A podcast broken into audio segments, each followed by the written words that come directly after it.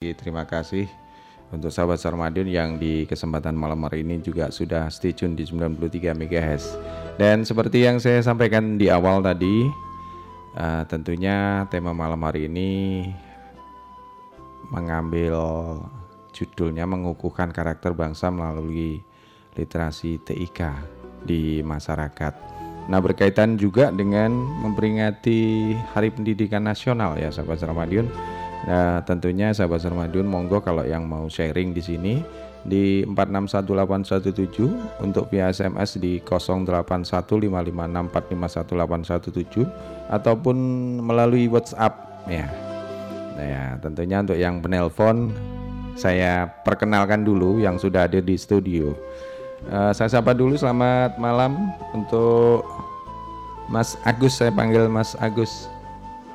Eh, ya betul kemudian ah mohon maaf diulang. Belum masuk. Yuk selamat malam. Selamat malam mas ya, ah, selamat malam juga Mas Agus untuk uh, kehadirannya. Kemudian yang kedua ini sahabat saya dari relawan TIK ada Mas Hendro selamat malam Mas Hendro selamat malam juga. Mm -mm, gimana kabarnya untuk berdua Alhamdulillah. tetap semangat ya, ya jadi Mas Agus ini seorang eh, ketua forum Kim Kota Madiun tentunya. Nah, juga aktivitasnya di dunia pendidikan tentunya ya. Jadi berdua ini dari kalangan pendidikan yang berkecimpung di dunia pendidikan. Ya. Yang awal pertama kali saya sampaikan ini kepada sahabat Sarmadiun kaitannya dengan karakter bangsa. Wah ini kayaknya luar biasa ini. Yang tentunya juga apa membawa nuansa yang hmm, luas sekali ya. Karena memang karakter bangsa ini juga dilandasi dengan beberapa yang sudah di apa diluncurkan oleh pemerintah uh, tentunya di dunia pendidikan. Untuk khususnya kepada siswa ya ini ya, yang menyangkut menyangkut dengan religi, jujur, toleransi, kemudian disiplin, kerja keras, kreatif, ada mandiri, kemudian juga kalau nggak salah demokratis, rasa ingin tahu. Nah, itu tentunya dipupuk kepada siswa-siswa. Semangat kebangsaan juga harus masuk, menghargai prestasi, cinta damai. Nah, ini uh, kepada Mas Agus ini mungkin secara umum saja ya kaitannya dengan era sekarang yang uh, ber apa ya berimigrasi dengan teknologi ini bagaimana ini untuk Mas Agus monggo. terima kasih Mas. Jadi memang dari beberapa nilai karakter yang disebutkan mm -hmm. Mas Hido tadi ada satu yang mengalami kemunduran. Oh, apa itu? Yaitu gemar membaca. Oh, gemar membaca iya. ya. itu di uh. Uh, sekarang ini anak-anak itu kurang hmm. dalam minat bacanya. Hmm. Hingga memang jadi tanggung jawab kita bersama untuk meningkatkan itu hmm. sehingga hmm. tidak lupakan hakikat dari karakter yang ya, karena perkembangan apa namanya teknologi sendiri tidak bisa dibendung gitu ya betul, Mas Agus ya. Waduh luar biasa. Ini memang tantangan buat kita semuanya ya sahabat Ramadan. Terus yang lanjut enggak? Untuk yang lainnya di samping gemar membaca mungkin yang sempat uh, apa yang terlupakan begitu ya. Hmm. Kalau terlupakan mungkin tidak, mm -hmm. hanya terkikis. Mungkin. Terkikis ya. ya terkikis, mm. ya. terkikis ya antaranya rasa nasionalisme kebangsaan mm. itu ya saat ini lebih kepada individu dengan golongan. Betul. Itu yang terjadi. Ya ini yang rawan yang harus ya. kita apa sedikit uh, kembali ke kembali karena ya jujur saja dulu pada waktu kita masih sekolah itu ada materi yang namanya P4. Mm -hmm. Nah sekarang kayaknya itu sudah pedoman penghayatan pengamalan Pancasila kalau nggak salah. Okay. Ya. Nah itu yang sekarang mungkin harus lebih dikuatkan kembali kepada generasi mm -hmm. sehingga NKRI harga mati itu benar-benar ter tertanam di jiwa generasi muda mendatang. Oke. Okay. Nah ini berkaitan dengan teknologi nih uh, Mas Hendro kaitannya dengan uh, teknologi yang pada umumnya eh, siswa-siswa kita kan sudah mengenal namanya teknologi itu sendiri. Gimana ini? Apakah eh, teknologi itu sendiri justru menghambat uh, di semangat kebangsaan itu sendiri ataupun uh, apa ya komunikasi dengan sesama siswa atau rasa kebersamaannya berkurang atau gimana kaitannya dengan teknologi monggo Mas Hendro kalau berkaitan dengan teknologi saya kira uh, cuma perlu dibimbing aja hmm. sekaligus didampingi didampingi ya sering kali kita lengah ya hmm. uh, banyak dari kita itu belajar menyuruh anak belajar TIK hmm. dan lain tapi lupa didampingi hmm. pendampingan kalau menurut saya pendampingan itu sangat penting entah itu di sekolah itu pendampingan oleh guru kalau hmm. di uh, keluarga sama orang tua hmm. gitu hmm, perlu pendampingan dan pembinaan secara walaupun itu pada saat di belajar apakah masuk di dalam kurikulir uh, pembelajaran ya kurikulum ya kurikulum kalau hmm. untuk tingkatan SD itu sudah nggak ada ya pak ya ah, sudah ada sudah diperkenalkan uh, kalau dalam kurikulum 2013 kan -hmm. nggak ada ada dihapus tapi hmm. masuk dalam muatan lokal. Oh, muatan ekstra. lokal ya, ekstrakurikuler. Yeah. Kurikulum ya, yeah. ekstra ekstrakurikuler. Kalau di nah. SMK nah. masih. Masih ya. Masih. Pelajarannya itu ke simulasi digital. Oh, simulasi digital. Tentunya memang uh, sedikit berbeda ya dalam dalam penalaran teknologi. Jangan sampai nanti justru masih SD sudah pegang YouTube. Kalau seperti itu sudah pegang streaming dan sebagainya. Begitu ya arahnya. Kira-kira begitu. Aduh ya uh, ini Mas Agus kaitannya tadi yang disampaikan kan untuk apa gemar membaca. Dan sebenarnya di teknologi itu kan sebenarnya juga sudah apa ya uh, memacu juga untuk uh, anak ini atau siapa pun yang pegang gadget atau HP itu untuk membaca. Nah ini terkadang apakah uh, tidak berseberangan kalau kalau kita katakan bahwasanya teknologi itu juga tidak apa uh, identik dengan membaca. Jadi uh, makna sendirinya. Kalau dari kacamata hmm. saya sendiri, hmm. Pak, itu uh, beda ya ya beda hmm, hmm. kalau ke, dulu itu kita uh, istilahnya kalau kita bertemu dengan masalah itu pasti nyari nyari informasi itu hmm, referensi uh, referensinya hmm. mulai dari buku hmm. dan sebagainya sekarang anak-anak di YouTube oh. itu kan tidak membaca itu melihat iya seperti itu ya iya, bergeser ya bergeser padahal itu di tag atau dokumen yang macam-macam tuh ada ya Betul. sebenarnya ya hmm, kadang-kala dari informasi dari YouTube itu ah. tidak semuanya mohon maaf valid gitu uh. karena apa yang dibicarakan atau mungkin topiknya itu tidak uh. berdasar dari buku apa yang sudah mengalami telaah dan sebagainya. Oh iya. Baik, kita beri kesempatan untuk yang sudah tersam, tersambung. Selamat malam. Selamat malam Mas Edo. Assalamualaikum warahmatullahi wabarakatuh. Waalaikumsalam warahmatullahi wabarakatuh. Ini dengan hmm. Mas Agus sama siapa? Uh, Mas Endro. Mas Endro, hmm. sing, sing diapali kok Mas Agus. Soalnya Mas Agus itu banyak namanya Mas Agus. Oh iya betul. Uh, hmm. oh, kalau kalau Mas Endro itu jarang. Ya. Hmm, kalau apalagi Edu. hmm, kalau Mas Edu kan jarang Mas juga. Mas Edu itu nggak ada, tapi kalau Mas Purnomo itu banyak banget. Oh Purnomo ya, Purnama dari bulan Purnama itu ya. Iya hmm. wes. Iya.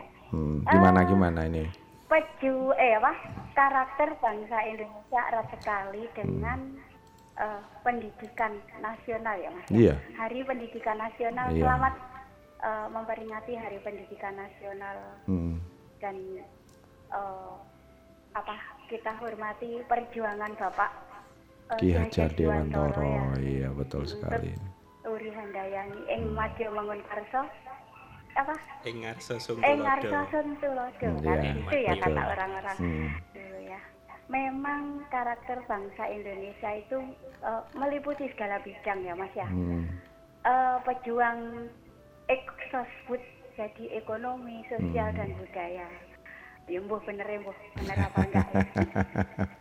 Udah bener kok ya ragu-ragu. Ah, ya, terus uh. kaitannya dengan uh, mendidik anak ya memang uh, sekarang ini uh, zaman now ini ya mm-hmm. uh, memprihatinkan sekali. Mm. Anak Jawa diajarin bahasa Indonesia mm. sehingga bang, uh, bahasanya kalau ditanya orang tua, dek no iki selawe selawe itu piro toh nah hmm. masa kok ya kebajot emak nek selawe piro ya selawe itu ya 25 lah tahunya kan 25 hmm. gitu loh kan kan ya apa ya memprihatinkan sekali bahasa ngoko nggak bisa wong padahal ya wong Jawa kok yeah. yo makanya ya kedua-duanya harus ditanamkan dalam bahasa Indonesia juga bahasa Di Jawanya bahasa Jawa. juga seperti itu hmm. sopan santun kepada orang tua nah sekarang ini memang kurang anak-anak sekarang hmm sopan santun terhadap orang tua itu memang kurang banget. Lah ada orang tua lungguh, eh permisi apa piye nggak ada kayak gitu. Saat nggak mengenal lagi ya. makanya kan uh, ada uh, erat sekali kaitannya dengan uh, karakter bangsa, hmm. yaitu pejuang pejuang dalam hal ekonomi, sosial dan budaya. Nah itu meliputi segala bidang ya Mas itu ya. Oh, iya, iya, nah itu aja dari saya kalau uh, untuk yang teknologi apa? saat ini no comment karena yes. memang. Oke okay, deh. Ya, Lagunya ya, tapi apa memang nih? benar kaitannya hmm. itu dalam mendidik anak itu tadi benar ya. hmm. ya. Uh, anak harus diawasi dalam memainkan HP atau hmm. gadget kan gitu yeah, ya. Yeah. Harus hati-hati memang diarahkan anak lagi segitu kecuali kalau sudah SMA sudah ini tapi itu pun juga tidak lepas dari arahan orang tua. Nah, Betul. Nah, seperti itu Mas Edo. Makasih okay. nanti kalau ini lagunya lagi. apa ini? Uh, lagunya apa ya? Lagunya itu yang ada kaitannya dengan ini ya. Uh, Nggak harus sih. Iya kalau saya kalau aku ki. Oh harus ya. harus Pak ya. Karena memang Indonesia makin maju ya, uh -uh. makin apa ya, makin jaya. Iya. Seharusnya itulah jaya, jayalah Indonesia. Jaya karena Indonesia mm, ya. Saat ini Mas Edo belum menemukan jayalah Indonesia. Betul. Mm -mm. Maka apa? Pejuang Indonesia sejati. Hah? Pejuang sejati. Boleh, boleh. Okay ya, deh. itulah. Okay. Hmm, pejuang sejati. Ya itu, hmm. pejuang sejati meliputi segala bidang. Hmm. Terus itu karakter bangsa. Yes. Itu aja Mas Edo. Sama-sama, terima kasih. Hmm. Assalamualaikum warahmatullahi wabarakatuh. Waalaikumsalam warahmatullahi wabarakatuh. Itu tadi sahabat saya Mbak Wulan yang selalu eksis ya. Baik, saya beri kesempatan kembali yang sudah tersambung. Selamat malam. Selamat malam Mas Edo. Selamat malam juga. Om John. Malam dengan Mas siapa? Ada Mas Endro juga ada Mas uh, Mas Agus. Ya, selamat malam. Ya. Mas uh, Endro sama Mas Agus. Uh, uh, narasumber dari mana ini? Ini dari uh, relawan Tika juga dari forum Kim Kota Madiun. Oh, begitu ya. Mm -mm. Kim kelompok informasi juga. Iya, betul sekali. Oh, iya. Hmm. Ini temanya temanya tentang, tentang kaitannya dengan apa namanya? Hari karakter ini karakter mau menguatkan karakter bangsa. Oh, begitu. Mm -mm. Ah, begini Mas Edo. Ya, apa Kalau ini kayaknya saya, berat banget ini. Uh, untuk menjadi bangsa yang maju, mm -hmm. katanya banyak orang harus gemar membaca. Mm-hmm. Ilmu itu jendela, mm. jendela apa? Jendela, jendela, ilmu, dunia. ya jendela dunia. Tapi menurut saya mm-hmm. untuk menjadi maju tidak saja yang hanya gemar membaca, mm-hmm. tapi harus juga pandai berhitung. Mm. Nah, juga Nah itu berhitung itu juga mencerdaskan. Hmm. Tapi kalau membaca, mengembangkan wawasan. Kalau berhitung menjadi cerdas. Hmm. Tapi kalau uh, juga berjiwa seni, dikembangkan jiwa seni, hmm. entah melukis, entah menyanyi, entah segala apa olahraga, itu juga membangun kepribadian hmm. membangun dedikasi, membangun kreativitas, hmm. semua di, uh, semua bisa dikembangkan di arah kepada kebaikan dan kemajuan. Hmm, Jadi sekali. semua saja tidak saja yang dikhususkan membaca saja, hmm. tapi semua hal harus semua dikembangkan hal, ya. kalau kita ingin menjadi bangsa atau umat manusia yang berkepribadian, yang maju, yang sejahtera, hmm. dan sebagainya apa yang menjadi idaman atau cita-citanya dan segala apa yang ingin dicapainya hmm. agar menjadi bangsa yang eksis hmm. dan segalanya. Hmm. Terima kasih Mas Edo. Oke lagunya apa ini Om John? Bertugas. Halo. Selamat malam juga untuk Mas Idro dan Mas Agus. Iya lagunya apa Mas ini Idro, Om John? Padang mundur. Halo. Lagunya. Ha? Lagunya kalau apa? saya sih juga ada lagu itu Mas Buyung, Mas, Mas itu. Hmm. Buyung adik nanku sayang. Ini yang keroncong ya? Iya, versi keroncong, tahun 50-an. Enggak ada ya. Iya, mohon maaf ini. Adik nanku sayang. Iya, apa judulnya? Uh, alternatif aja Om John. Iya, hmm. kalau enggak ada saya juga ada itu. Kung tak bergema alam maya pada. Itu lagu tahun 50-an juga. Ya, Mojopahit ya, 60 70-an kalau nggak ada kampung halaman. Kalau hmm. kampung halaman nggak ada ya wes stratego saja. Oke. Okay. Terima kasih Mas hmm. Selamat malam. Assalamualaikum warahmatullahi wabarakatuh. Waalaikumsalam warahmatullahi wabarakatuh. ini Om John ini memang era zaman old ya jadi untuk eh, lagu-lagunya luar biasa ini ya, kita juga sebenarnya tertantang sih ingin mencarikan tapi kadang uh, terkendala oleh apa ya teknologi juga Iya baik terima kasih Om John nanti ditunggu saja untuk terateku ya kemudian ya satu lagi mungkin saya beri kesempatan untuk yang sudah hadir di sini selamat malam selamat malam Mas Dido Jadi, selamat malam Iya, selamat malam untuk uh, narasumber ya dan Mas hmm. Indro dengan uh, Mas Agusnya aja. Okay. Ya, ini temanya tentang hardiknas ya Mas ya. Iya betul. Untuk prospek ke depan anak negeri, anak bangsa yang hmm. lebih produktif, lebih eksis, hmm. ya disampaikan oleh Mbak Wulan tadi ya. Hmm. Nah, cuma begini intinya bahwa penggemblengan uh, anak negeri ini sebenarnya hmm. sejak dulu itu kan sudah ditanamkan budi pekerti sejak. SD ya Mas ya. Jadi saya nah, sebelumnya ini dengan siapa? Ini Opa Guntur ya. Opa ya. Guntur ya. ya. Jadi monggo.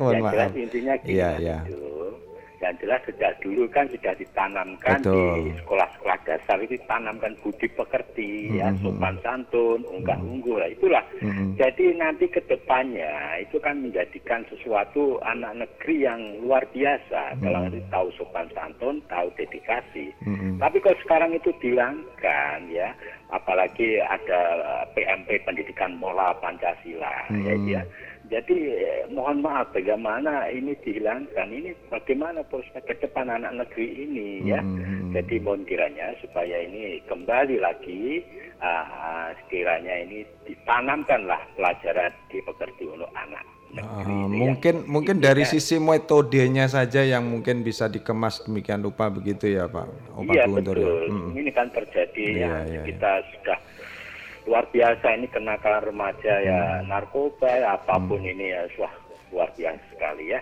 hmm. dan ini kembali apa ini mungkin ada tema yang lain hmm. untuk prospek ke depan ya mungkin mohon kiranya guru-guru sekarang ini kan khususnya di apa di luar Jawa mas ya hmm. di Papua sana yang honorer ini kasihan ya ya ya mudah-mudahan ada semacam iya, iya, iya. perhatian dari pihak dalam negeri apa hmm. Menteri Pendidikan lah ya iya. supaya diangkat uh, apa ini diangkat dari pegawai negeri karena loyalitasnya itu sudah 25 luar biasa tahun ya. sampai 30 tahun mas hmm, bayangkan hmm, itu hmm. daerah masih konflik sana itu loh mas hmm, ya hmm. jadi mudah-mudahan diperhatikan juga oke okay.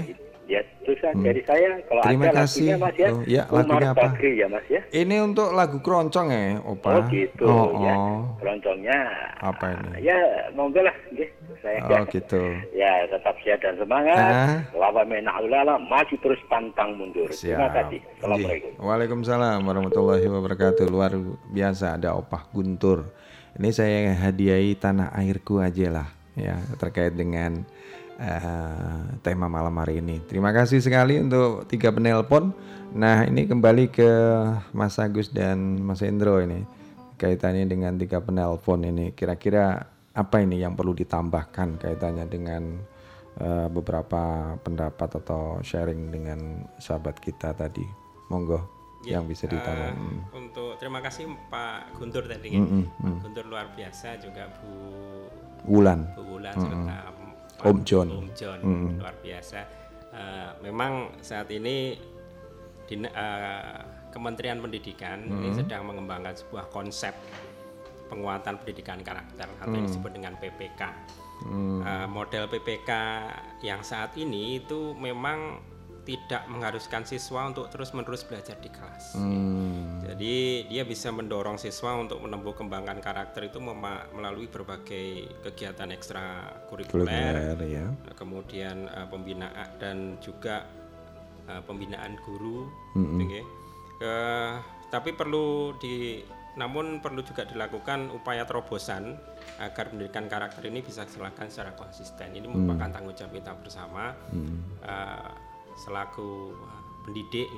Kebetulan saya juga di SMK hmm. itu menjadi uh, prioritas kami hmm. untuk selalu melakukan terobosan-terobosan agar tadi seperti yang diutarakan Pak Guntur hmm. serta Om John tadi uh, membentuk generasi yang hebat itu yang uh, siap yang memiliki hmm. inovasi hmm. dan sebagainya tadi bisa tercipta di uh, dari kecil hmm. Di lingkup sekolah dulu. Hmm, begitu ya. Oke, terima kasih Mas Agus. Kalau dari sisi Mas Hendro ini, jadi saya apa ya relawan DIK ini ya, untuk ke depannya atau mungkin yang dialami pada untuk aktivitasnya, Mas Hendro sehari-hari kaitannya dengan apa bimbingan tadi ya atau pendampingan iya, yang dilakukan monggo uh. kalau dari saya cuma pendampingan ya hmm. sementara ini pendampingan soalnya kalau kita lihat uh, jam belajar siswa di sekolah saja itu terbatas hmm. kebanyakan siswa itu melakukan kegiatan itu di luar sekolah. di luar sekolah otomatis peran serta keluarga serta lingkungan hmm. utamanya lingkungan yang sehat, hmm. uh, ramah dengan anak, hmm. itu harus kita jaga. Hmm. Itu ya. Terus yang dilakukan selama ini dalam proses pendampingan itu sendiri gimana? Uh, uh, untuk mengenalkan dunia IT itu sendiri. Ya. Berhubungan dengan dunia IT, hmm. uh, misal anak itu bermain gadget atau gimana kita harus dampingi hmm. tidak serta merta apa ya uh, anak itu dileluasakan gitu hmm. terkadang juga sebagian orang tua mungkin uh, berpendapat atau apa ya oh ada aplikasi nanti yang bisa buat blokir sana sini hmm. sana sini gitu ya hmm. terkadang ada kayak gitu yeah. terkadang anak ini juga enggak kalah pintar. Mm-hmm. Dia pasti mencari gimana sih cara uh, membuka mencari. blokir ini mm-hmm. gitu loh. Itu yang harus kita pahami. Mm. Kalau menurut saya uh, pendekatan ke anak dari hati ke hati itu sangat penting. Mm. Di luar teknologi, berkembangnya Apa pun teknologi. teori yang akan disampaikan ke anak itu tidak menjamin ya bahwasanya si anak ini akan akan tidak melakukan itu atau mungkin cara-cara seperti itu mungkin ya. Iya. Ini, hmm. Terus anu Mas Hendro, kaitannya dengan apakah uh, untuk selama ini yang dialami apakah ada kesulitan dari sisi pendampingan itu sendiri atau mungkin ada metode yang bisa disampaikan untuk khususnya untuk anak SD SMP lah begitu untuk pendampingan dari IT-nya dari sisi IT. Kalau dari segi IT kita mengarahkan. Hmm. Contoh kita mau nginstal aplikasi di gadget, hendaknya kita melihat dulu aplikasi ini cocok nggak dengan uh, seumuran anak itu. Hmm. Contoh saja misalnya Facebook. Mm. Di situ tertulis jelas 12 plus. Apakah cocok untuk anak tingkat SD? Nah, gitu? makanya itu. Sek uh, kita sering kali menginstal tanpa melihat. Hmm. Seharusnya aplikasi itu cocok buat anak apa tidak. Hmm. Seperti itu. Terus untuk contoh lain mungkin uh, kalau medsos yang mungkin yang sudah ngetren saat ini yang dilakukan uh, siswa-siswa di SMP itu di selain WhatsApp atau lagi ya? Yang sering kayaknya lagi. IG ah IG Instagram. Ya? Waduh. Ini daripada Instagram kalau digunakan yang sebenarnya yang bermanfaat itu banyak loh ya. Banyak, iya. Kaitannya tidak hanya selfie selfie iya. tidak hanya untuk mungkin bertukar ilmu. Betul, betul. ya sebenarnya kalau kita manfaatkan benar-benar sangat membantu Sama, ya nah ini cuman uh, menjadi kendala kita kan uh, cara penyampaian metode yang pas itu sebenarnya secara apa teori itu belum bisa menjamin ya karena memang ada keterhubungan dengan lingkungan, dengan keluarga. Toh kita saya sendiri menyadari bahwasanya apalagi kalau memang sudah uh, usia zaman old gitu yang mengikuti teknologi itu sudah uh, kewalahan begitu loh. Ini baru saja mengerti tentang aplikasi tertentu katakanlah. Besok sudah muncul lagi dengan model aplikasi yang lain dan kita harus mengikuti. iya, seperti itu ya. Ini gimana Mas Endro kalau kita bisa menyikapi itu atau mungkin uh, ada tip ya dari untuk misalkan orang tua katakanlah biar walaupun kita tidak mengerti aplikasi tertentu itu terus kita paling tidak bisa memberikan arahan itu ada tips apa enggak ya selama yang dijalani di aktivitas sehari-hari gitu di dunia Ini, TIK itu. Iya. Uh. Mungkin lebih ke pengarahan lagi hmm. uh, terkait apa ya kegunaan hmm, aplikasi hmm, hmm. masih butuhkah kita aplikasi itu kalau misalnya nggak butuh kita bisa cari alternatif lain atau kesibukan hmm. anak yang lain gitu. hmm. kita alihkan tapi tidak ada apa uh, apa namanya counter dari itu uh, anak-anak ya. misalnya wah kuno dan sebagainya iya, begitu ya, pasti, uh, pasti ya, itu, pasti. itu gimana gitu kalau ini, nah. ini yang susah ini uh. Uh, apalagi kalau sudah kecanduan game ini nah ini itu dia PR kita bersama hmm. Hmm. Uh, kalau terjadi problem seperti itu sih memang susah sih ya hmm. tapi gimana pun itu tugas bersama ya nggak hmm. hanya nggak hanya guru saja hmm. tapi semua baik itu orang tua lingkungan juga turut peran serta aktifnya hmm kita arahkan dengan baik, kita ajak bicara mm-hmm. atau mungkin dia punya hobi tertentu dan lain-lain, yeah. kita salurkan gitu loh. Hmm. Oke, okay. ya duh ini memang saya sendiri juga merasakan untuk uh, percepatan teknologi apalagi kalau dengan apa dengan aplikasi-aplikasi yang luar biasa perkembangannya. Bahkan kalau nggak salah ini Indonesia juga sudah mengeluarkan sejenis setara dengan WhatsApp kalau nggak salah ya. Yeah. eh, namanya apa itu? Nah ini uh, ini juga menjadi kolitnya itu. Tadi ini ini saya harus mengikuti kembali. Ini, tapi kayak apa? Nanti suatu saat kita akan bahas ke sana dan ini Pak atau Mas Agus ini kaitannya dengan ini tadi ya tantangan yang dialami juga di tingkat lebih menengah ya khususnya untuk di SMK ini. Apa kira-kira yang yang menjadikan kendala atau mungkin ada tips juga untuk usia usia SMK ini? Padahal kalau kita lihat pada kebanyakan SMK ini luar biasa ya sudah lebih Jauh ke depan Betul. pikirannya. Monggo, silakan. Uh, untuk SMK uh. dari kami itu mengalami apa ya istilahnya uh, tantangan hmm. khusus hmm. itu dalam mengembangkan pola pikir kritis. Hmm. Itu yang menjadi tantangan uh, saat ini di di sebagai guru uh, madya ya. Hmm. Jadi kalau SMK kan sudah sudah sudah dewasa hmm. gitu bagaimana mengembangkan pola pikir kritis anak terhadap hmm. uh, uh, masalah yang ada hmm. itu yang menjadi tantangan ini itu juga PR sebenarnya hmm. hmm. banyak beri PR ya ada berapa ini kalau dihitung ini iya betul iya iya yang paling sekarang sedang dikembangkan jadi memang betul kata Mas Indro tadi hmm. pendampingan itu penting sekali hmm. uh, utamanya adalah agama hmm. ilmu agama itu kalau sudah kuat betul saya saya yakin anak juga di, akan punya uh, batasan-batasan hmm. bagaimana mengembangkan uh, kembali ke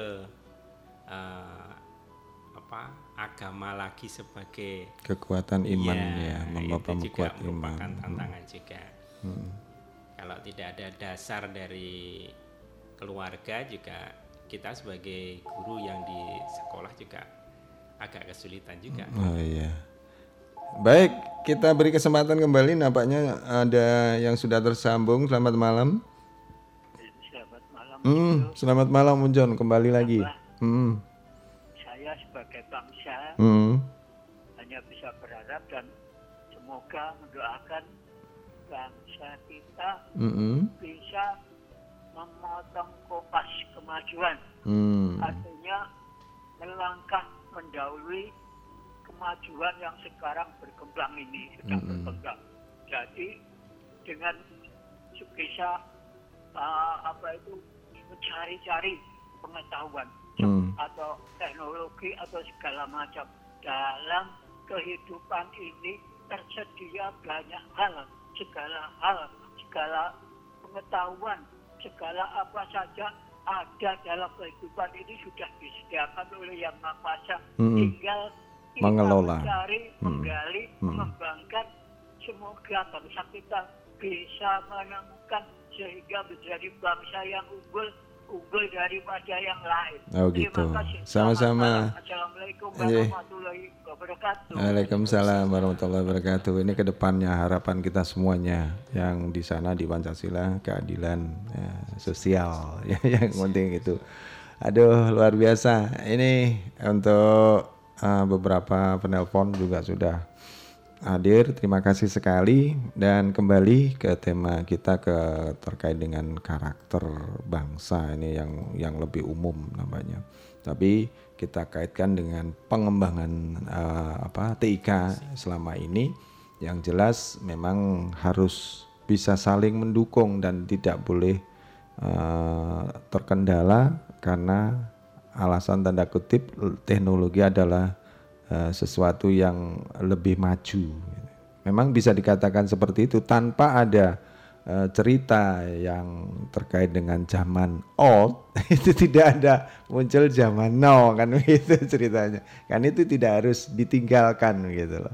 Nah, kaitannya dengan itu uh, saya pengen pengen apa uh, uh, menggali dengan Mas Agus dulu gimana ya untuk apa namanya pemikiran atau mungkin PR-PR yang sudah kita tetapkan tadi bisa paling tidak uh, tersampaikan gitu loh. Uh, kalau di sekolah mm -hmm. uh, bagaimana PR-PR tadi itu mm. tidak hanya menjadi tugas dari guru BK. Kembali begitu ya. ya. Tapi semua pihak yang ada di sekolah juga turut berperan juga dalam pengembangan karakter anak. Mm -hmm. Contoh yang gampang kalau kita ingin me, apa karakter disiplin gitu. Mm. Sebelum anak datang minimal guru karakter sudah mendahului. Iya, itu sudah hmm, itu harus seperti itu. Suri dulu kalau dulu SMSD hmm. itu ibaratnya ya, guru oh, itu kan disambut betul gitu ya. iya, ya. Nah sekarang sesuai dengan konsep dari dinas uh, Kementerian Pendidikan mm -hmm. harapannya sekarang guru yang menyambut siswa, mm. guru karakter itu yang di depan sekolah yang mm -hmm. menyambut siswa itu juga merupakan sebuah contoh mm -hmm. kecil tetapi luar biasa efeknya untuk menumbuhkan karakter disiplin anak. Hmm, kalau dulu saya ingat saya kalau masih SD itu kan berbaris ya. Betul. Berbaris sebelum masuk kelas, berbaris terus kemudian salam ya, kepada cium tangan kepada ibu guru, bapak guru dan Nah, sekarang dibalik. Uh. Guru dan karyawan itu harus uh ganti yang menyambut siswa oh, seperti itu. begitu ya. Ya itu untuk menumbuhkan karakter disiplin tadi yang hmm. jadi ya kemudian karakter untuk karakter yang uh, apa mm-hmm. cinta yang karakter yang terkait uh, NKRI harga mati tadi mm-hmm. atau karakter bang kebangsaan itu yeah. ya itu tadi kembali lagi bagaimana menerapkan uh, karakter itu di setiap mata pelajaran. Begitu ya. Iya, jadi hmm. minimal uh, ada muatan-muatan kebangsaan yang dimasukkan ke dalam pelajaran itu wajib. Jadi tidak hanya tugas tanggung jawab guru PKN pendidikan kewarganegaraan tapi juga guru-guru yang lain. Hmm, apalagi kalau kita kaitkan dengan pendidikan apa PPK ya? P PKN sekarang. Oh PKN. iya iya iya. Hmm, iya. Ya monggo untuk Mas Endro mungkin mau menambahkan dari yang disampaikan oleh uh, Mas Agus kaitannya dengan ini. Memang banyak PR yang sebenarnya harus kita, tapi simpel saja bahasanya tantangan itu tidak boleh kita a priori begitu ya, harus tetap semangat dan tentunya banyak lah. Nah, nanti dari melalui seminar atau bimbingan bimbingan yang sifatnya komunitas seperti itu mungkin bisa disampaikan untuk menghadapi itu semua. Hmm. Kalau di sekolah ya, uh, seperti kata Mas Agus tadi, uh, lebih mengedepankan pembiasaan, kegiatan pembiasaan siswa. Seperti tadi apa, salim, santun, sopan terhadap guru. Hmm contoh kalau apa dalam muatan itu misalnya sebelum mulai pelajaran menyanyikan lagu Indonesia Raya hmm. saya kira itu sudah masuk ke dalam muatan pelajaran masing-masing hmm. secara nggak langsung gitu hmm. oke baik saya kira itu untuk sahabat Sarmadion uh, untuk di sesi yang pertama kita sudah bisa sedikit mengkorek apa namanya uh, terkait dengan karakter bangsa dan tentunya nanti akan lebih kita bahas lebih dalam lagi di saat nanti di sesi yang kedua. Tentunya sahabat Sarmadion saya ingin juga uh, sampaikan bahwasanya untuk apa bisa sharing di sini di 461817 juga via SMS ataupun lewat WhatsApp. Tapi sebelumnya kita simak dulu beberapa lagu yang sudah di request di dalam program acara Keroncong Tentunya ini juga upaya untuk melestarikan lagu-lagu keroncong. Jangan ke mana-mana, tetap di 93 MHz Radio Suara Madiun. Ada beberapa lagu yang saya akan hadirkan. Selamat mendengarkan. Baik, kita lanjut Mas Jack.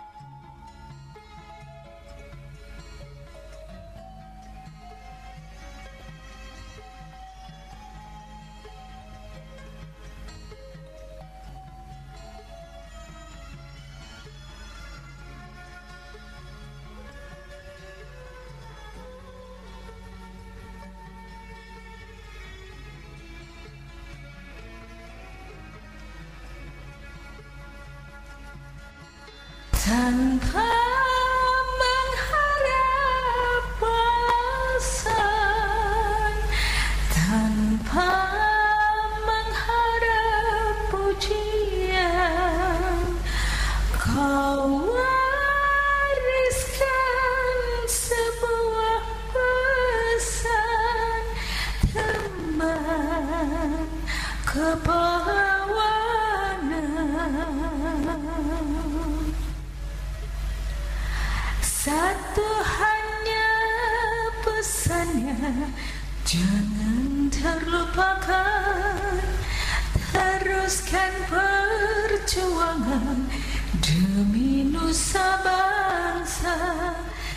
Nasib negara bangsa di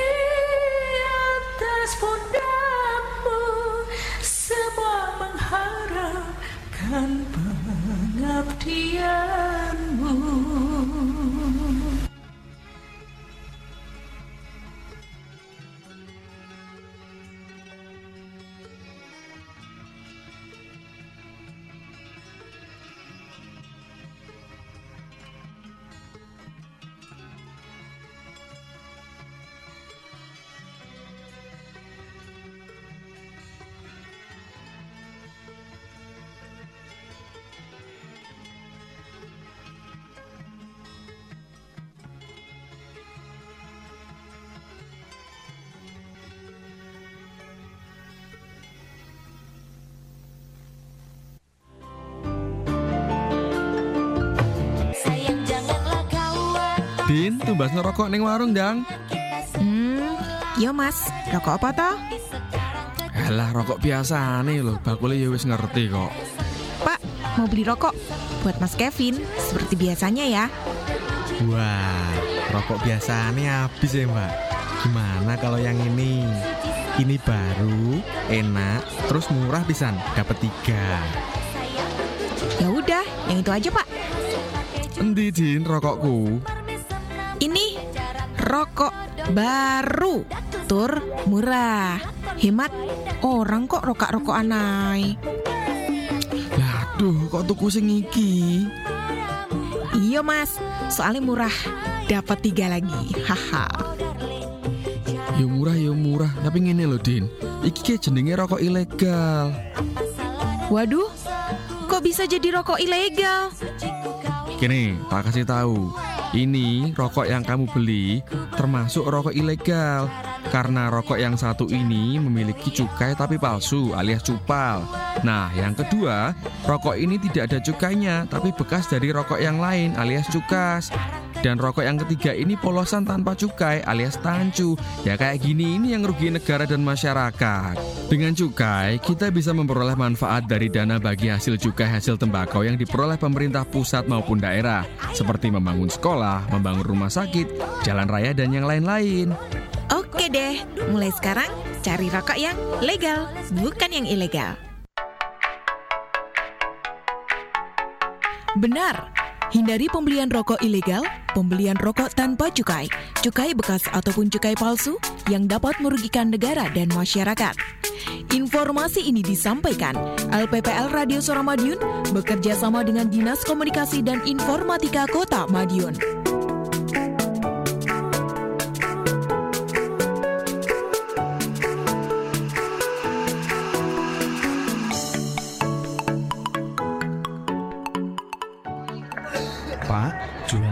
Saja dijamin laris, soalnya murah.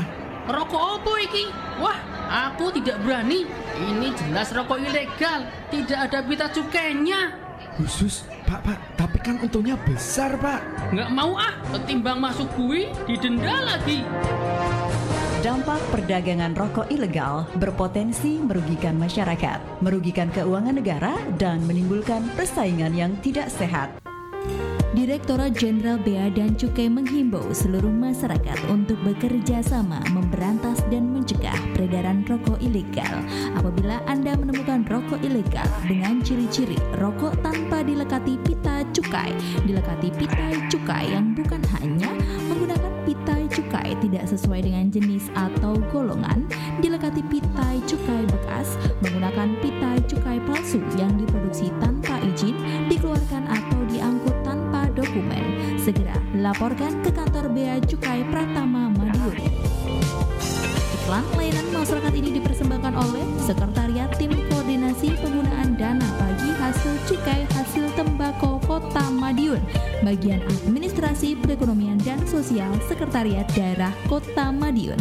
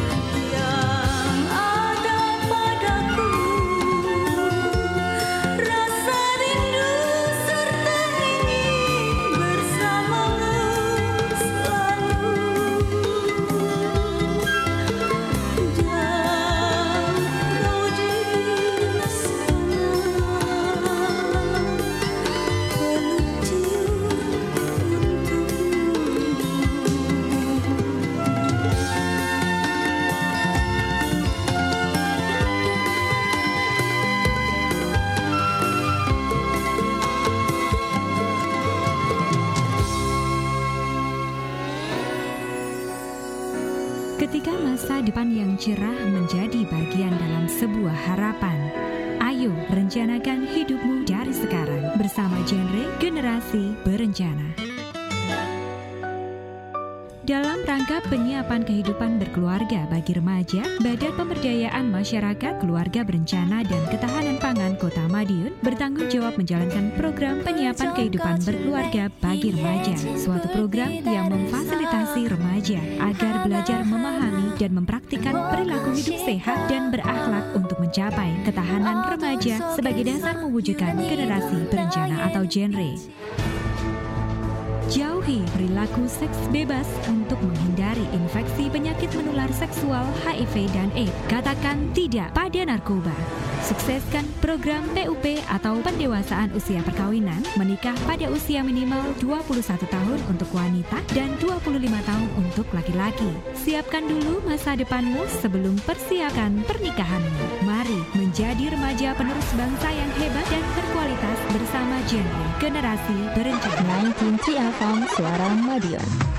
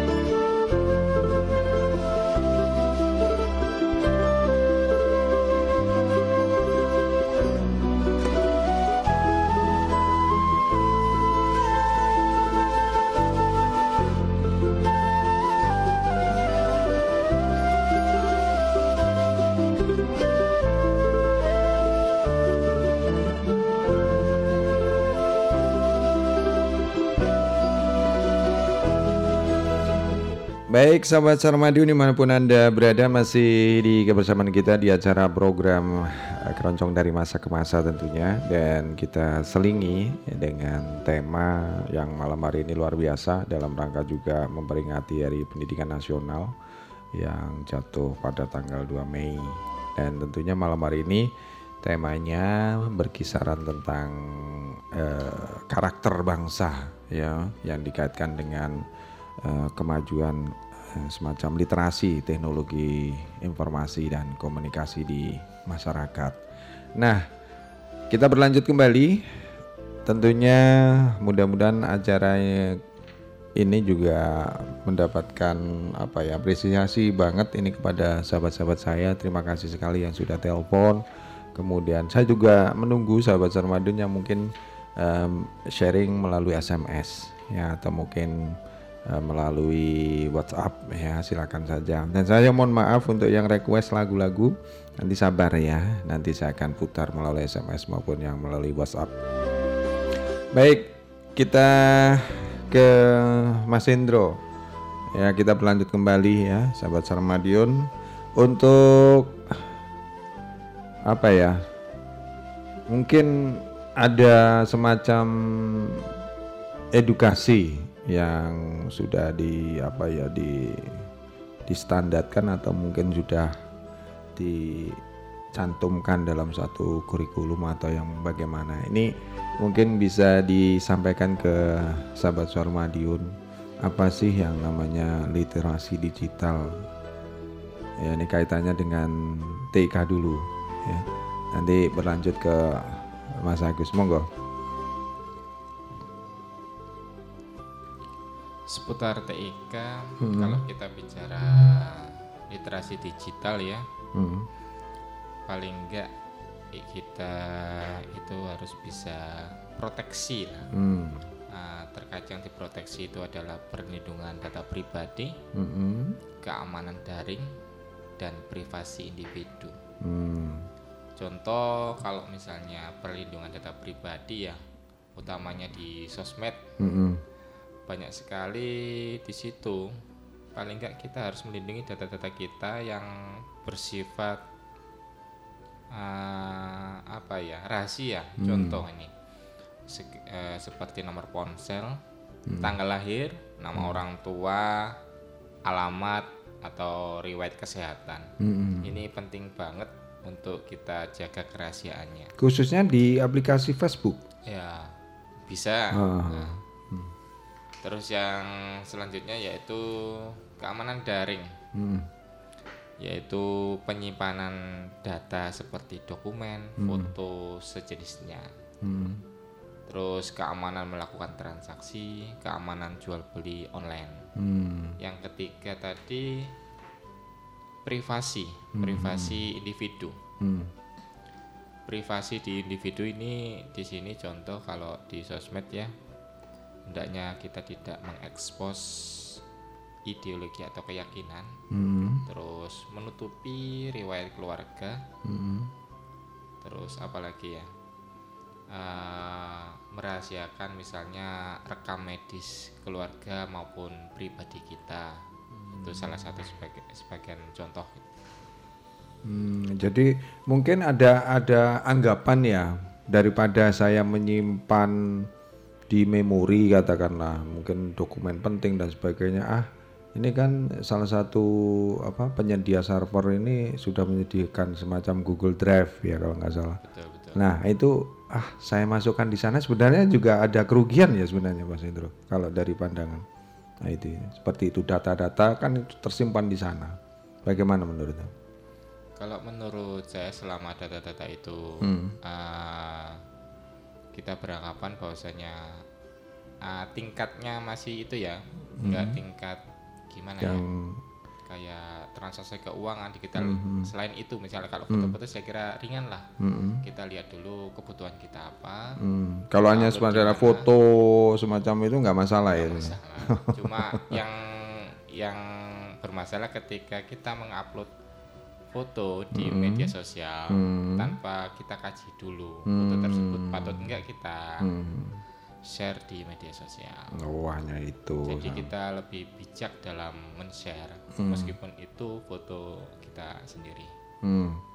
Baik, terima kasih untuk Mas Hendro. Ini kembali ke Mas Agus ini kaitannya dengan karakter bangsa. Sekali lagi ini memang tema malam hari luar biasa. Yang kalau kita gali, waduh, oh ini saya sendiri sudah merasa apa namanya eh, sangat-sangat uh, tertantang ya dengan perkembangan teknologi yang saat ini memang luar biasa. Eh, benturan-benturan yang ada di lapangan di, di sekitar kita di lingkungan keluarga kita yang tentunya sangat-sangat berpengaruh terhadap ya paling tidak moral lah moral kemudian kita terkadang sangat berapa tergeser dengan bentuk-bentuk keyakinan eh, apa keyakinan atau mungkin agama atau mungkin adat istiadat dan sebagainya yang kadang-kadang tergeser itu loh. Nah, ini bagaimana ini untuk ke depannya mungkin mungkin uh, Mas Mas Agus ini bisa memberikan suatu gambaran ya kaitannya dengan mungkin di lingkungan pendidikan, di lingkungan sekolah paling tidak yang harus tetap dipertahankan, yang mana yang perlu disesuaikan dengan pengembangan teknologi sebagai mana? Monggo silakan. Baik uh, untuk peran di sekolah memang hmm. uh, beberapa tingkat seperti di SD, SMP hmm. itu TIK sudah dihapus. Hmm. Nah itu sebenarnya juga merupakan sebuah tantangan juga. Hmm. Uh, sebenarnya dengan pelajaran TIK itu bisa kita masukkan muatan-muatan uh, kepada anak tentang itu terkait pendampingan dan sebagainya tadi bagaimana mengakses bagaimana me membagikan itu juga bisa kita masuk nah dengan dihapusnya itu di hmm. SMP apalagi SMP itu merupakan uh, kalau boleh dibilang masa-masa pencarian jati diri betul nah, iya. itu juga merupakan uh, bumerang juga sebenarnya kalau hmm. bicara di uh, masalah pendidikan terkait TIK yang kemudian dihapus ya itu juga susah juga padahal uh, apa yang diutarakan Mas Indro tadi hmm. uh, tentang konsep uh, literasi digital itu harusnya ditanamkan dari kecil dari dari SD itu sudah harus harus ditanamkan betul sehingga itu menjadi tantangan untuk uh, kita di dunia pendidikan. Nah terkait uh, itu kalau dunia pendidikan Mas Edo kalau untuk hmm, hmm. Uh, sekarang kalau di, uh, di keluarga hmm. itu bagaimana kita bisa menerapkan delapan fungsi keluarga. Oh, delapan fungsi iya, keluarga. Fungsi keluarga itu ya, minimal kita kuatkan di di uh, orang tua, hmm. baik itu ayah maupun ibu sehingga uh, pengawasan atau perkembangan anak itu benar-benar sudah bisa ditata sedemikian rupa sehingga karakter-karakter baik, karakter-karakter positif itu bisa tumbuh berkembang di anak. Hmm. Kalau boleh yang disebutkan tadi delapan apa? Delapan fungsi keluarga. Delapan fungsi ya. Kalau kita kembali ke itu aja ke fungsi keluarga. Ini mungkin bisa eh, dijelaskan secara ringkas saja delapan untuk delapan fungsi keluarga yang di antaranya ada satu fungsi agama, hmm. kemudian ada fungsi sosial budaya, hmm. kemudian fungsi pendidikan, kemudian fungsi lingkungan hidup, hmm. kemudian sosial uh, toleransi. Nah, itu ada uh, itu adalah beberapa dari delapan fungsi yang uh, hmm. termasuk juga fungsi perlindungan hmm. itu yang harus juga di dipahami dan juga dilaksanakan di keluarga. Ya utamanya untuk mengcounter itu tadi ya, ya pengaruh-pengaruh ya. mungkin yang terjadi di sekolah atau di lingkungan apa namanya pertemanan di sekitar pada saat kumpul-kumpul dengan teman dan sebagainya. Baik, ini uh, kembali ke karakter bangsa ini kalau boleh saya juga bisa apa namanya menyampaikan bahwasanya kaitannya dengan apa karakter bangsa itu sebenarnya ber, ber apa ya berdasarkan pengalaman masa lalu. Ya pengalaman masa lalu, masa lalu ini yang melalui proses sedemikian akhirnya mendapatkan satu pengembangan atau apa semacam perkembangan dari proses itu yang yang hasilnya yang saat ini kan begitu. Nah, kaitannya dengan uh, warisan yang dari yang saya sebutkan tadi yang sebelumnya ini sebenarnya tidak apa ya, tidak terlalu baik dan tidak terlalu buruk. Tentunya kan pada proses modernisasi itu sendiri kan sangat-sangat apa ya? Sangat perlu analisa, kajian dan sebagainya ini. Menyikapi tentang hal itu, Mas Agus ini gambarannya kalau kalau kita eh, melihat uh, masa masa sekarang yang sudah sudah modern lah katakanlah katanya dengan teknologi walaupun kalau kita lihat Indonesia ini sebenarnya juga sebagai apa ya pemakai. Pengguna, pengguna ya. Pengguna saja dan nah, tapi ndak ndak patah arang sebenarnya kita anak-anak putra-putra bangsa juga sudah uh, berinovasi tentang teknologi itu. Ini gimana untuk untuk menanggapi hal ini? Menjawab tantangan Indonesia itu sebenarnya mampu gitu. Yang lebih jauh lagi. Ya, sebenarnya nah. kalau kita kembali ke konsep literasi hmm, digital hmm. di mana seperti yang disampaikan oleh Bowden tahun hmm. 2001 itu dia hmm. mengatakan bahwa uh, literasi digital itu lebih dikaitkan dengan keterampilan teknis hmm. mengakses, merangkai, memahami dan menyebarluaskan informasi. Hmm. Nah dari situ uh, kalau kita kembali ke warisan, hmm. warisan tadi kan uh, konsep dari era dahulu hmm. dan era sekarang itu memang beda. Hmm. Kalau dulu kita masih uh, benar-benar ter apa nih uh, literasi atau mungkin teknologi itu belum begitu bisa diakses. Nah sekarang dengan keterbukaan yang luar biasa ini, otomatis mau tidak mau kita harus mengikuti kan gitu. Hmm. Nah di, di lain pihak info, uh, teknologi itu juga kalau ibaratnya orang seperti memegang pisau dengan dua dua apa dua sisi yang yang Berbeda. tajam gitu ya. Hmm. Kita mau menggunakannya bagaimana apakah mau baik atau buruk. Nah, itu yang menjadi uh, tantangan kita bersama untuk kemudian bagaimana sih dari yang kemarin itu kita ambil yang baik dan kita Hmm. pakai untuk ke depan dan juga membuang yang buruk sehingga nanti kita tidak akan ketemu lagi dengan permasalahan yang sama. Oh iya. Baik, ada di ujung telepon langsung saja. Selamat malam. Malam Mas Edo. Mm-mm, selamat malam. Nyambung lagi. Iya, monggo Om John. Ah, Itu ya. Mas Mas Indro, Mm-mm. Kak Bagus, Mm-mm.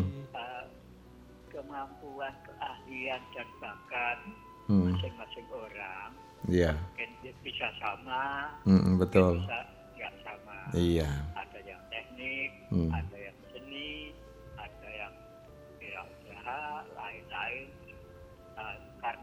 dalam dunia kehidupan ini aneka ragam aktivitas manusia Mm-mm. itu dilandasi oleh berbagai keahlian. Nah, kalau kalau kalau zaman masa penjajahan dulu Mm-mm. ah, oleh penguasa penjajah Belanda Mm-mm. di, di, di negeri kita ini ada tiga kategori Hmm. keahlian atau bakat. Mm-mm. Kalau bangsa kulit Hmm. itu di di ah, apa itu dinilai sebagai ah, bangsa yang unggul, Mm-mm. yang elit. Kalau bangsa Cina, bangsa India itu dagang, Hmm. Kalau bangsa kita itu kelasnya kelas konsumen. Hmm. Tapi kita harus harus bangkit. Mm-mm. Jangan sampai terus menjadi bangsa yang konsumer. Betul, betul, Konsumen betul. terus. Kita harus mampu bangkit ah, apa itu meningkatkan keahlian dan kemampuan wawasan pengetahuan kita. Bangsa Hmm. kita itu sebenarnya bisa membedah dunia loh. Oh iya, iya, iya. bisa menguasai dunia kalau kalau kalau ingin maju Mm-mm. dan jangan berjiwa bersifat ber, ah, apa itu fanatisme. Mm. Kalau fanatisme itu menjerat kita kita nggak bisa maju berkembang. Mm-mm. Semoga bangsa kita bisa betul-betul memanfaatkan dengan sebaik-baiknya ah, keinginan untuk maju berkembang bersama yang maha kuasa. Hmm. Pasti insya Allah Mm-mm. Bisa mencapai tujuannya. Terima Oke, kasih. sama-sama. Assalamualaikum. Waalaikumsalam warahmatullahi wabarakatuh. Terima kasih luar biasa ini Om John menambahkan. Jadi seperti itu. Memang betul kalau kalau kita kembali ke apa namanya bahasa dari karakter itu sendiri sebenarnya kan watak begitu ya. Watak watak dari individu dari seseorang perorangan individu. Nah, ini tentunya juga akan berdampak kepada proses kehidupan. Dia akan menjadi seorang intele- intelektual dari sisi emosionalnya bagaimana sosial etika dan perilaku ya tentunya seperti itu dari karak- eh, karakter sendiri. Ini memang sifat dari individu.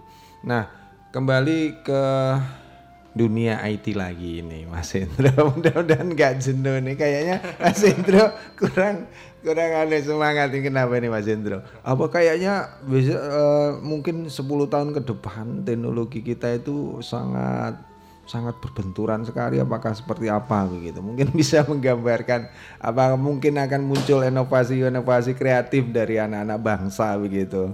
Kira-kira seperti apa kalau eh, penjenengan bisa eh, melihat dari informasi di dunia IT sendiri monggo Kalau dari dunia IT Hmm. berkembang pasti iya. Iya. Nah, kemungkinan 5-10 tahun ke depan Hmm. tidak hanya berupa teks lagi mungkin ya, Hmm. mungkin Visual. vi- berupa visual video, video. Hmm. Ya, gimana pun itu bentuknya perkembangan IT, tetap kita harus bisa harus bisa memanfaatkan dengan bijak. Hmm. Nah, kita gunakan sebaik-baiknya untuk lebih apa ya berinovasi dan kreatif lagi. Saya khawatirnya begini loh kalau memang eranya ke visualisasi begitu ya. Saya khawatirnya nanti anak itu jadi lupa menulis kemudian ah, apa ya untuk pendidikan itu apa apa masih ada begitu loh. Walaupun kita beranggapan ya mungkin guru hanya klik visualisasi apa pelajaran apa seperti apa kita tinggal dengarkan dan sebagainya kan lupa kan tulisan untuk penghitung bagaimana ini saya bayangannya sampai ke sana kira-kira seperti apa kalau oh. membaca menulis dan berhitung saya kira tetap ya tetap paten oh. saya kira karena dasar anak, ya iya, hmm. karena dasar anak-anak nggak hmm. bisa ditinggal dari tiga hal tersebut hmm. itu merupakan kalau menurut saya itu pondasi. Pondasi ya adapun yang terkait visual dan lain-lain itu adalah nilai tambah. Hmm. untuk wah, mempermudah mungkin ya, ya secara mudah untuk uh, kalau kita menulis ini ini berat mana ini Mas, anu Mas Agus sama Mas Hendro ini? kalau kita belajar secara visual itu lebih mudahkah? Atau kalau kita membaca teks seperti itu cepat mana yang dipahami kalau secara hitung-hitungan anu apa eh, menangkap satu ilmu gitu. Kalau di dunia, monggo Mas Agus dulu. Kalau uh, di selama ini uh, selama hmm. ini hmm. uh, orang melihat. Iya itu uh, dia hanya bisa menangkap mungkin sekitar 30 persen. Oh, 30 persen ya. ya tetapi hmm. kalau orang membaca hmm, hmm, hmm, hmm. itu bisa lebih dari itu. Sebenarnya sehingga, iya, hmm. sehingga memang uh, visual itu memang penting juga hmm. karena tanpa ada visual anak itu cenderung bosan. Hmm. Nah, dengan adanya visual yang menarik dan sebagainya, hmm. sebagainya, harapannya anak juga ikut membaca. Oh begitu. Iya. Mungkin katakanlah seperti ini kalau membaca katakanlah namanya tikus nanti uh, bayangan visualnya dikasih nanas dikiranya nanas itu jadi tikus gitu ya. Iya. Mungkin kira-kira begitu ya. ya, ya. Jadi dalam uh, dalam konsep uh, konsep pembelajaran itu juga uh, kita juga harus bisa mengembangkan mm -hmm. dari versi teks mm -hmm. itu menjadi sebuah visual. Sehingga meskipun dia itu kontennya adalah visual, tetapi di dalamnya tetap ada teksnya yang harus dibaca. Hmm. Itu yang yang menjadikan uh, sebuah materi ya Mas Indro, hmm. materi yang lebih menarik. Jadi hmm. daripada teks melulu, yeah, kalau teks yeah. melulu bosan. Iya betul. Tapi kalau terlalu banyak visualnya, anak jadi malah jadi rancu ah. seperti itu. Harus paling males nyata iya, harus bisa menggabungkan dari teks dengan visual tadi. Hmm, gitu ya waduh wes ini luar biasa ini ke depan saya juga nggak nggak nggak tahu lah nanti Indonesia itu mau ke mana dan tentunya upaya-upaya kita di di Madiun sendiri memang secara apa namanya program pengembangan TIK sendiri kita berusaha untuk lebih bijak lah untuk penggunaan uh, apa teknologi sendiri. Nah untuk apa namanya uh, yang yang mungkin bisa dikembangkan ini untuk Mas Hendro di lingkungan sekolah ya yang kaitannya dengan pendampingan itu tadi yang mungkin bisa dikembangkan itu programnya yang kayak apa sih dalam proses pendampingan yang mudah gitu. Selain tadi sudah disampaikan tipsnya, ini program kira-kira ke depan ini selama perjalanan Mas Hendro ini mendampingi dari dari dunia teknologi ini apa saja? Hmm. Monggo. Kalau materi di tingkat SD ya mm -hmm. MI mm. standar. Standar, saja. Ya? Office ya. Office-nya. Office menggambar mm. kalau kelas 1 2 itu mm. sukanya masih gambar. Mm. Apa apakah program itu terus menerus seperti itu atau perlu dikembangkan kembali kira-kira mengikuti mengikuti kurikulum iya. semacam itu. Saya kira kalau kita ah. ter, karena ini jangkauannya TK itu luas ya. Uh. Kalau kita terpaku dengan apa program itu itu aja hmm. nah, nggak akan berkembang kita harus menyesuaikan ya. itu ya menyesuaikan materi tentunya ya, jangan-jangan Mas Indur sendiri yang iya harus, ya? harus kita uh. modif dikit lah oh dimodif iya iya tentunya biar pengetahuan anak itu terbuka jadi ke depannya nanti kalau misalnya tingkat lebih lanjut mm-hmm. mereka bisa apa ya uh, contoh misalnya kayak apa aplikasi perkantoran aja mm-hmm. di situ kan ada yeah. yang berbayar apa enggak mm. nanti terserah mereka ketika apa digunakan di tingkat lebih lanjut mm-hmm. mereka mau milih yang mana jadi mm-hmm. seperti itu mm. jujur kalau saya di sekolah itu siswa itu malah suka hal-hal yang ber, bersifat praktikum. Oh gitu. Kayak teori itu kayaknya gimana gitu. Oh. Jadi sukanya itu langsung ya? praktek. Mm -hmm. Bahkan kelas satu pun kayak menghafalkan nama ikon pun nama yang agak aneh itu kesusahan. Mm. Tapi kalau ketika sudah menghadap komputer Icon pasti hafal. Oh, gitu. Tapi nama dari icon ini sendiri terlupakan begitu ya. Iya, Pokoknya yang ditombol icon ini kan begitu.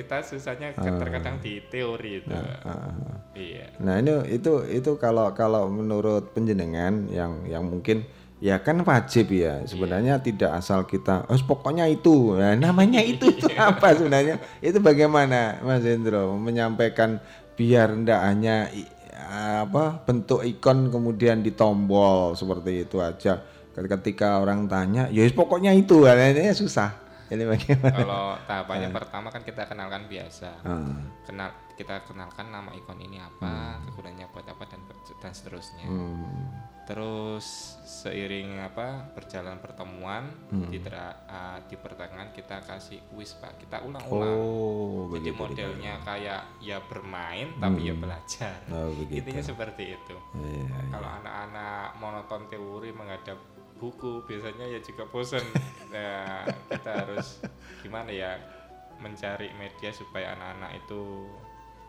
apa tertarik. Tertarik iya dan iya. sekaligus bisa menghafal pelajaran. Oke. Wah ini luar biasa. Ini ini kalau Mas, Mas Agus sendiri nih pandangannya bagaimana nih? Mungkin di dalam proses uh, pembelajaran di sekolah sendiri selain uh, Pak Sendro yang disampaikan kalau ingin menambahkan ya. Ya kalau di kebetulan hmm. saya di SMK itu teknik pak. Hmm, hmm, hmm, tekniknya. Teknik otomatis hmm memang harus betul-betul mengikuti perkembangan. Hmm. Uh, tidak kita tidak bisa menerapkan teknologi yang 10 tahun yang lalu untuk hmm. materi sekarang. Gitu. Hmm. Contoh uh, mesin motor gitu. Hmm. Mesin motor kita mas sudah tidak lagi pelajari yang dua tak. Oh, Karena sekarang sudah ya. empat sudah tak, empat ya? tak. Bahkan kotak-kotak gitu. Tapi dari kurikulum sebelumnya kan untuk mungkin untuk setback ke belakang perjalanannya uh, proses ini tetap disampaikan enggak gitu? Ya, hanya gambaran gambaran Oh, gambaran saja. Ya, perbedaan Sistem. antara ya, perbedaan hmm. antara uh, dua tak, contoh hmm. kecil dua tak dengan empat tak itu seperti hmm. apa, hmm. seperti itu. Jadi kalau di TIK sendiri hmm. uh, juga sama, kita juga kenalkan juga umpamanya seperti Fasidos seperti ya, itu ya dulu. Uh, ya, hmm. sejarahnya internet itu seperti apa, komputer seperti apa, seperti hmm. itu. Jadi tetap uh, yang model lama itu kita kenalkan juga meskipun hmm. uh, kecil gitu ya. Hmm. Uh, yang lebih ke depan itu harapannya adalah begitu anak lulus dia sudah siap menghadapi dunia kerja dengan uh, teknologi yang terbarukan. Hmm, baik. Waduh, nggak terasa ini 39 menit lepas dari pukul 8 malam. Baik, sahabat Sarmadion, ini sebagai closing ya. Mungkin ada saran atau mungkin harapan yang disampaikan kepada pendengar atau sahabat Suara Madiun saat ini. Mulai Mas Hendro dulu ada harapan yang mau disampaikan atau masukan apa pun lah untuk closing monggo baik harapan saya mm -hmm. uh, kita harus mendampingi anak mm -hmm. dari usia dini sampai beranjak dewasa ya mm -hmm. baik itu pendampingan di rumah di lingkungan mm utamanya kalau kita selaku orang tua mm -hmm. baik dari pergaulannya hmm. terus baik dari misalnya kalau kita percaya mereka pakai gadget dan hmm. seterusnya hmm. intinya saya fokus ke pendampingan hmm. itu aja oke okay. Oke, okay. kalau Mas Agus, monggo yang mau disampaikan harapan. Yeah. Kalau untuk harapan, semoga uh, dengan uh, konsep pendidikan karakter yang dari Kementerian Pendidikan itu bisa benar-benar diterapkan sehingga mampu mewujudkan generasi emas nantinya hmm. untuk Indonesia yang mampu menghadapi tantangan di era global dan juga bisa mem membuktikan diri bahwa Indonesia mampu lebih dari negara-negara yang lain. Hmm. Nah, untuk keluarga tetap uh, jaga dan kembangkan delapan fungsi keluarga karena di situlah tempat atau sumber dari uh, pengembangan karakter anak mulai dari kecil, mulai dari balita hingga remaja. Hmm, begitu ya. Oke, terima kasih. Baik, sahabat Ramadan, itu tadi obrolan kita tema malam hari ini yang berkaitan dengan karakter bangsa dan tentunya mungkin saya bisa menyimpulkan kaitannya dengan obrolan kita atau dialog kita malam hari ini bahwasanya uh, uh, apa namanya bentukan karakter itu ya memang terkait dengan ber, berkepribadian, kemudian berperilaku, bersifat, kemudian juga bertabiat dan berwatak. Nah, tentunya juga ini akan membentuk suatu individu yang punya sikap, perilaku ataupun motivasi yang uh, bentuk-bentuk keterampilan yang positif. Nah, sahabat Saramadion untuk mengaplikasikan nilai kebaikan itu dalam bentuk tindakan atau tingkah laku ini uh, seseorang itu akan menjadikan uh, ini menjadi tantangan karena adanya tidak jujur, kemudian ada kekejaman, ada rakus perilaku jelek dan sebagainya ini akhirnya ah, itulah yang harus dikurangi atau diberantas. Nah, karakter yang akan kita apa namanya yang kita harus pupuk ini sebagai individu ini tentang menangkap suatu hal, yang positif dengan potensi diri. Ya, ini tentunya juga di dinilai dengan uh, bagaimana reflektif ataupun percaya diri dari individu itu kemudian juga bisa menangkap dari rasional logis kritis dan analitisnya ini memang perlu untuk dipupuk sejak dini.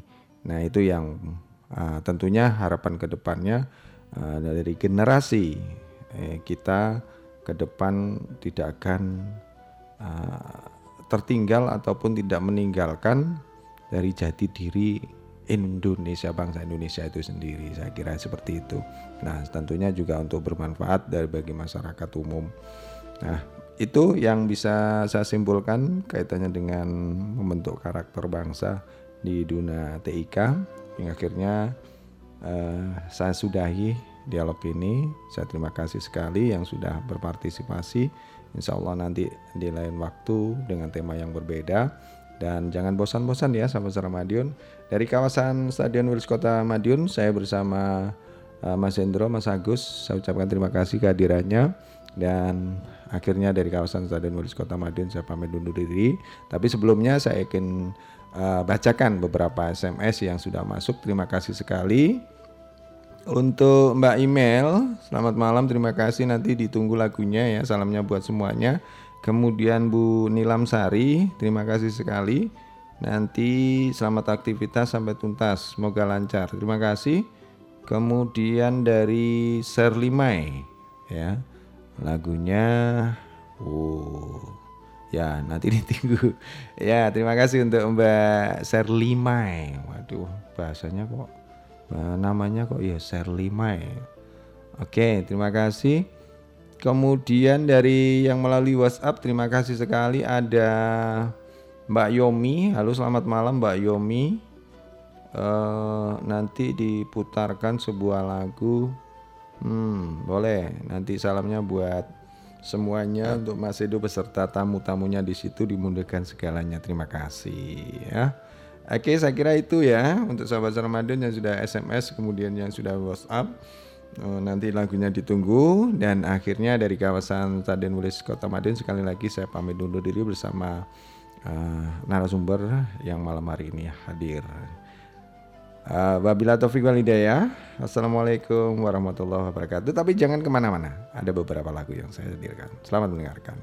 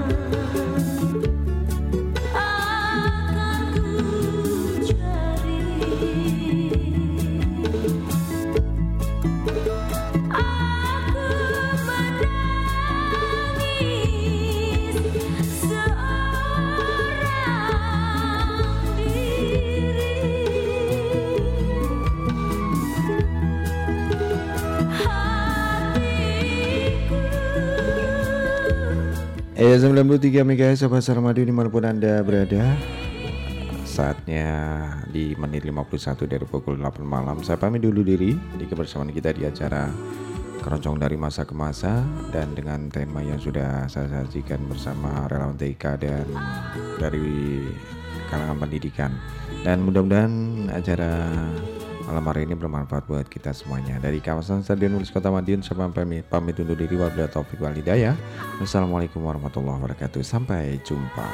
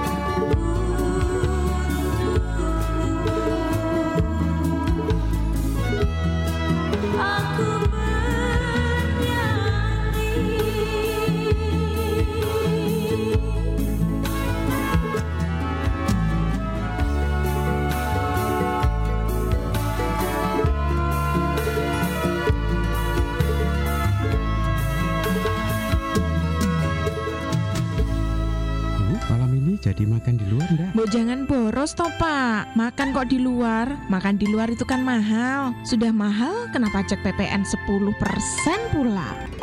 Itu keliru Bu, pajak yang kita bayar itu bukan pajak pertambahan ataupun PPN, tapi pajak restoran.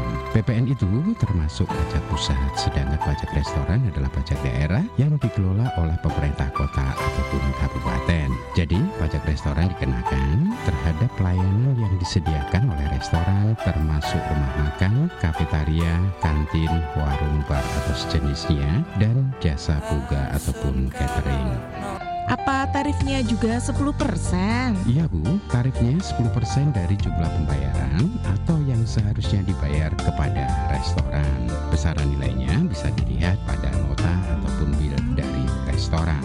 Kalau sudah begitu, ke mana kita harus membayarnya Pak? Kita membayar makanan dan minuman dari restoran sudah termasuk pembayaran pajak restoran. Pajak restoran selaku wajib pajak nantinya juga akan melaporkan dan menyetorkan pajak kita melalui Dinas Pendapatan Daerah. Oh, paham aku sekarang Pak. Ayo Bu, keburu lapar. Ayo kita berangkat. Madiun terkenal pajale, ojo lali bayar pajake. Din,